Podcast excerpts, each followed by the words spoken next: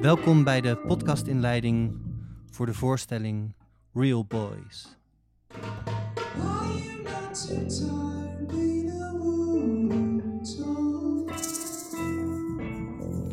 Een voorstelling van muziektheatercollectief More Dogs onder de vlag van de nieuwkomers van Orkater.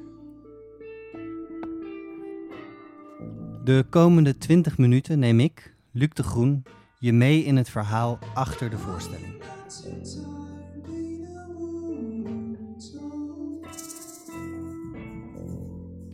Je krijgt te horen over de fascinatie van deze jongens met musical, het collectieve werken, werken in coronatijden en tot slot krijg je ook nog kijktips mee. Real Boys is eigenlijk een, uh, ja, een muziektheatervoorstelling waarbij dat je een Pinocchio-musical te zien krijgt. Maar tegelijkertijd krijg je ook een bandje te zien die dat die musical aan het repeteren is. Dus het is een soort van meta-musical. Uh, het is een beetje een kutbandje ook. Soms. maar, uh, wat helemaal geen invloed heeft op de kwaliteit van de muziek natuurlijk. Uh, en het thema van de voorstelling is eigenlijk authenticiteit en echtheid. Uh, dus eigenlijk echt versus fake. Wat is vandaag de dag nog authentiek en wat is authenticiteit überhaupt? Daarom dat we ook gekozen hebben voor ja, het verhaal Pinocchio van Pinocchio die een echte jongen wilt worden. Ik spreek met drie van de leden van het collectief in de studio in Amsterdam van Orkater. Het is midden in de repetities. Ze zitten er vol in, maar ik laat ze eerst zichzelf even voorstellen. Um, ik ben Robin Keijaard. Uh, ik ben muziektheatermaker. En net... poppenspeler. En... ja, en ik speel... Ja, maar nee, dat moet je niet zeggen, gast. dat is nog niet gecommuniceerd. Ja, dan, uh, ik ben Gode Kempen. Ik ben uh, bijna 31. En ik doe ongeveer hetzelfde wat, wat Robin doet, maar dan beter. Ik ben Elias van den Broeke, ook wederom lid van het collectief Mordogs. Dan hebben we nog uh, Julien Nijrink en Victor de Greef. Maar daar zul je in deze podcast dus niet van horen. Mijn eerste vraag aan de jongens is hoe ze op het onderwerp van deze voorstelling, authenticiteit, het willen worden van een echt iemand, zijn gekomen. Ik denk dat de, de, inhoud een beetje met de vorm gekomen is, zoals dat wel vaker gaat bij ons. We eigenlijk, of we wilden, waren heel gefascineerd door het gegeven musical, sowieso. Omdat het een heel ja, voor ons een heel moeilijk iets lijkt om, om te zingen en te spelen tegelijkertijd. En dan nog in rijm en zo. En om daar dan nog echt gevoel uh, in te gaan leggen. Als we naar die Broadway-musicals kijken, tenminste, omdat dat vaak heel groot heel bombastisch, met heel veel explosies en bombastische muziek en zo. Dat fascineerde ons enorm. En dan waren we aan het denken, ja, wat kunnen we met die vorm, wat kunnen we daar tegenover zetten? En dan kwamen we op dat thema van ja, echt versus fake. En dat leek ons wel fijn om ja, die vorm daarvoor te gebruiken. Ja, het is wel dat we in het begin dus enorm hebben geëxperimenteerd met onze teksten te zingen, maar je merkt al heel snel um, ja, dat het heel gemaakt aanvoelt, maar dat het ook eigenlijk uh, zeer saai is eigenlijk om naar te luisteren. Als je een ganse tekst begint te, te, zingen, dan merk je al, al snel dat je een half uur langer bezig bent eigenlijk met een, met een scène. Dus ja, we hebben daar lang naar gezocht van hoe kunnen we een soort van naturel vinden in het zingen spelen. Maar dat bleek echt niet gemakkelijk te zijn. Dus daar zijn veel slechte muziekstukken uit voortgekomen die er niet in zitten. Hm. Maar, maar, wat ons tegelijkertijd wel fascineerde, is... Um, het, is zo kunst, allee, het voelt voor ons ergens kunstmatig aan, omdat ja, de muziek is triest en je krijgt dat bij een trieste scène. Maar tegelijkertijd voelden we dan toch dat je ook wel ergens daarin wordt meegenomen. En je betrapt jezelf er eigenlijk op uh, ah, wow, ja, ik, ik voel nu ook wel mee met die scène. Ondanks dat je weet dat het zeer fake is en zeer één op één met de, muziek, met de, met de tekst, toch ga je erin mee. En dat vonden we fascinerend. Van, um, in hoeverre kan je die kunstmatigheid inzetten om toch echte emoties op te wekken? Ja, ja er zit heel veel uh, opzwepende uh, muziek in, of, of heel heel duidelijk gekozen nummers die heel duidelijk dit betekenen binnen de voorstelling. En dat werkt ook. Dus eh, we wilden helemaal niet, we wilden helemaal niet hiermee zeggen... Het is geen aanklacht aan de musical, totaal niet. Het is eerder een, een ode aan. Goed, dan heb je dus het genre musical. Hoe werk je dan verder richting een voorstelling?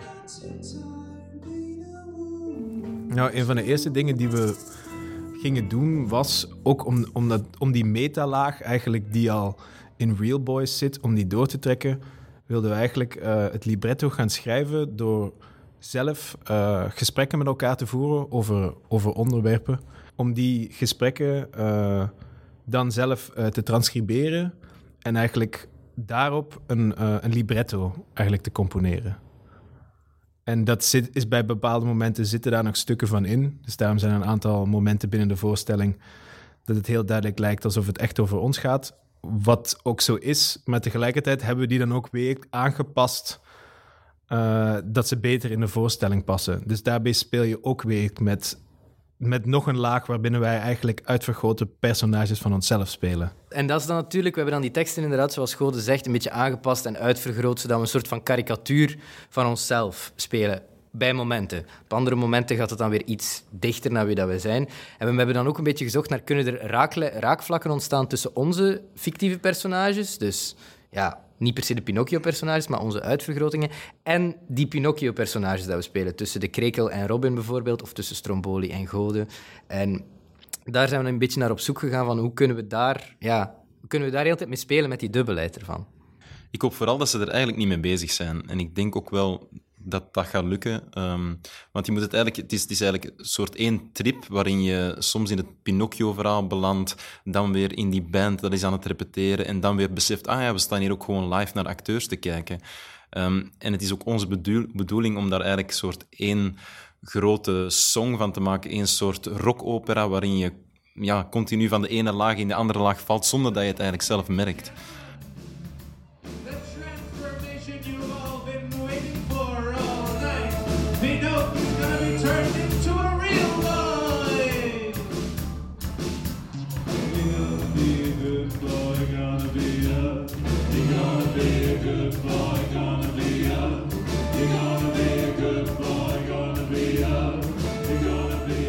Alle muziek die je in deze podcast hoort, komt uit de voorstelling is live opgenomen bij een repetitie. Om je alvast lekker te maken, zeg maar. More Dogs is een muziektheater collectief.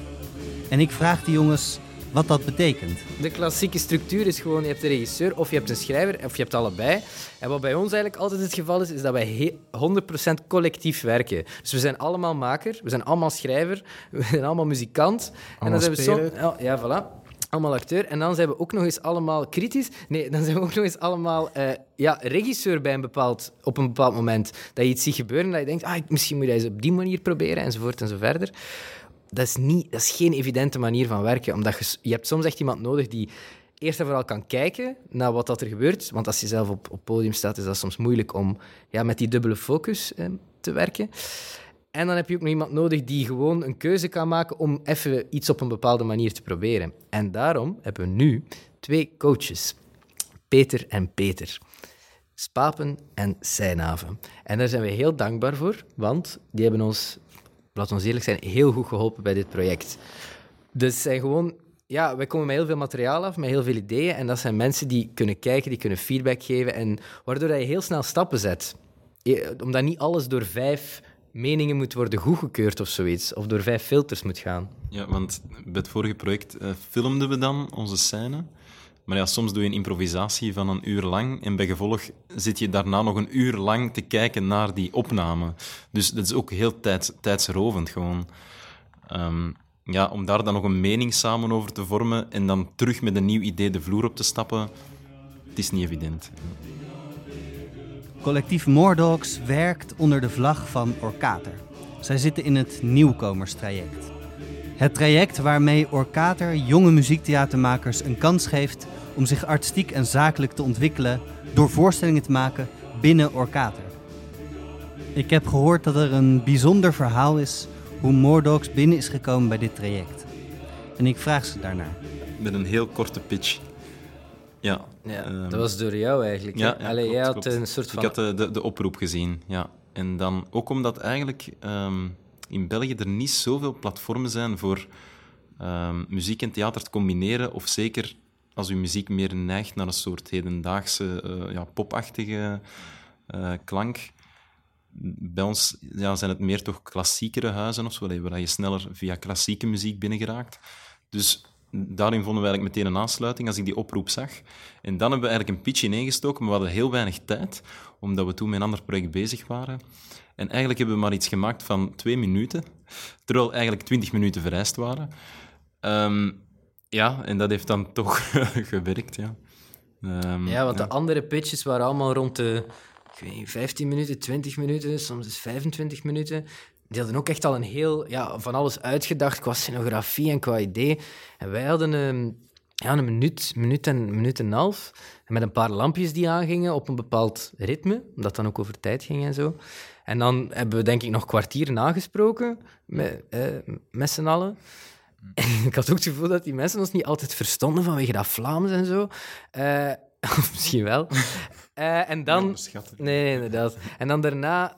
Um, ja, het voelde wel heel fijn of zo, die moment, om daar zo met vijf zo even van, kom, we gaan dat hier doen. En, en iedereen... Ik heb toen de techniek ook gedaan, denk ik. Ik stond daar niet mee op scène. Jij was, jij was, de lampjes aan het zetten. Ja, ja, dus ik volgde dan zo de lampjes mee op de metronoomgeluid. Ja, klinkt heel vaag allemaal. Maar goed. En um, dan daarna zijn we hier uitgenodigd voor een werkweek. En dan moesten we wel effectief... Of twee weken was dat zelfs? Zeker. En dan mochten we eigenlijk dat idee een beetje verder uitwerken omdat, ja, Orkater had ook gezegd, het was wel redelijk kort, die 1 minuut en 20 seconden. Het was interessant, maar wat gaan jullie er nog mee doen?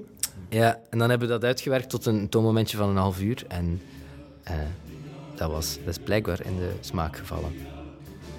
Alle muziek in de voorstelling heeft collectief Mordox zelf geschreven. En ik vraag ze hoe dat gaat. Hoe schrijf je als collectief met z'n vijven muziek voor een voorstelling? redelijk snel kwamen mensen gewoon met nummers af die ze hadden geschreven.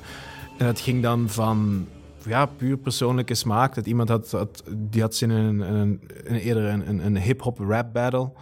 Dus die had zoiets heel hip-hop iets uh, in elkaar gestoken. Dan kwamen weer van die soort van rare synth-rock-achtige nummers. Uh, van alles eigenlijk. Omdat iedereen zelf thuis gewoon een nummer uh, af wilde maken, zodat hij volgende week aan de groep kon laten luisteren. hey, ik heb ook nog iets gemaakt. Dus dat gaat eigenlijk alle kanten op. Absoluut, ja.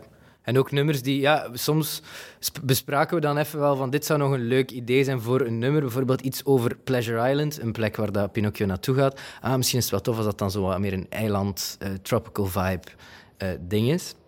Maar nu dat de nummers er nu beginnen uit te zien, ook mede dankzij uh, Peter Spapen, zijn ze allemaal wel redelijk... Ja, eh, niet bombastisch per se, maar het is wel... Ik, ik merk dat we dat niet vaak benoemen, maar dat wel is doordat we zo met dat musical-excuus bijna zitten, dat we zo merken van oké, we kunnen eens echt volledig ja, ons, ons laten gaan. Maar Sidegaber bijvoorbeeld hadden we allemaal eerder elektronische, een paar synthesizers en een drumcomputer. Terwijl nu was het echt full-on band. Dus basgitaar, gitaar, drum. Dat is eigenlijk de eerste keer dat we ook echt op die manier zo theater aan het maken waren. Maar dat is gewoon ook leuk, want ja, je hebt ook een excuus om meteen zo'n kutbandje te zijn. Alleen zo'n leuk kutbandje, snap je? Om zo gewoon wat samen te jammen rocken. te rocken. Ja, het is natuurlijk ook vanwege corona dat we redelijk makkelijk daar een keuze in konden maken. Want in het begin van coronatijden was het heel onduidelijk of, uh, of de voorstelling door zou kunnen gaan. Dus nu hebben we één keer een coronaproef repetitie gehad, waarbinnen ieder, inderdaad iedereen anderhalve meter van elkaar afstond, waardoor het ook in één keer heel duidelijk werd uh, Oké, jij bent dan de drummer, dan doe jij bas, dan speel jij gitaar, dan doe jij keyboards en dan krijg jij een percussietafel.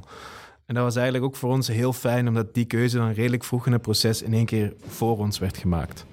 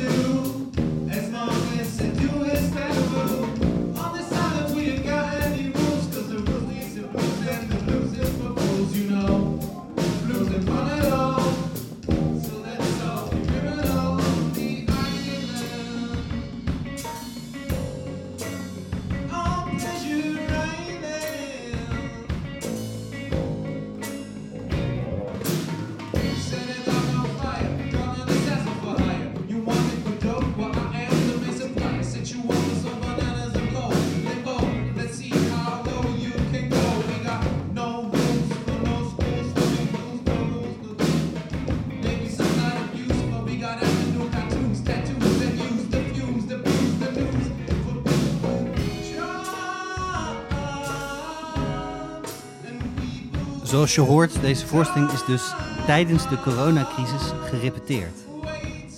Hoe ging dat? Waar hebben ze nog meer rekening mee moeten houden? En hoe hebben ze kunnen werken tijdens een wereldwijde pandemie? Ja, dus toevallig pakte dat eigenlijk zeer goed uit.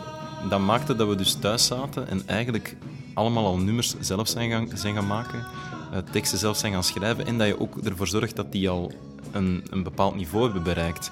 Dat je niet gewoon uh, afkomt met een ideetje waar je dan verder op werkt. Maar nee, er, er, stonden opeens al echt songs. Er waren al teksten die echt al, uh, ja, al een hele spanningsboog hadden. Dus in die zin heeft die eerste periode eigenlijk zelfs deugd gedaan. Ja, ja ik denk omdat dat, uh, iedereen van ons collectief ook met heel veel andere projecten is aan het werken, is meestal de periode dat we samenkomen, dan werken we allemaal 100% aan die voorstellingen. En dus meestal is die, uh, is die aandacht mega hard verdeeld. Dus dan kan één iemand met veel dingen afkomen en één, iemand dan niet. En dit keer, omdat eigenlijk bijna alles wat wij deden niet meer doorging, zat iedereen thuis. En dan, ja, dan, dan voelde je wel heel duidelijk dat iedereen zo... Ah, ik heb nog iets gemaakt, want ik had toch, ja, ik had toch niks te doen. En dan hebben we eigenlijk geluk gehad dat onze repetitieperiode wel gewoon is doorgegaan. Want natuurlijk, als je dan in het volgende stadium komt, dan moet je op de vloer staan. Dan, dat gaat niet meer dan om, om op afstand uh, teksten te beginnen te gaan spelen. Uh, je zit met die afstand, met een vertraging dat zou echt nooit gaan. Dus dan moet je echt wel in dezelfde fysieke ruimte zijn. Ja, je voelde ook dat dat zo echt het ideale moment was om dat te beginnen doen. En zo merkte van, ja oké, hier zijn heel veel, heel veel aanzetjes, maar we zijn benieuwd naar wat dat wat nu geeft om die achter elkaar te zetten en om die op de vloer te doen. Want kan je, ja, je kan zo wel blijven verder denken over, ja, misschien is dit nog een leuk idee of misschien is dit nog een leuke tekst, maar je wilt gewoon eens zien wat dat die song zal zijn als je ze echt gaat spelen met elkaar. Tot slot vraag ik om kijktips. Iets wat zij, collectief Moordogs, jou als luisteraar mee willen geven voor als je zo meteen naar deze voorstelling gaat kijken.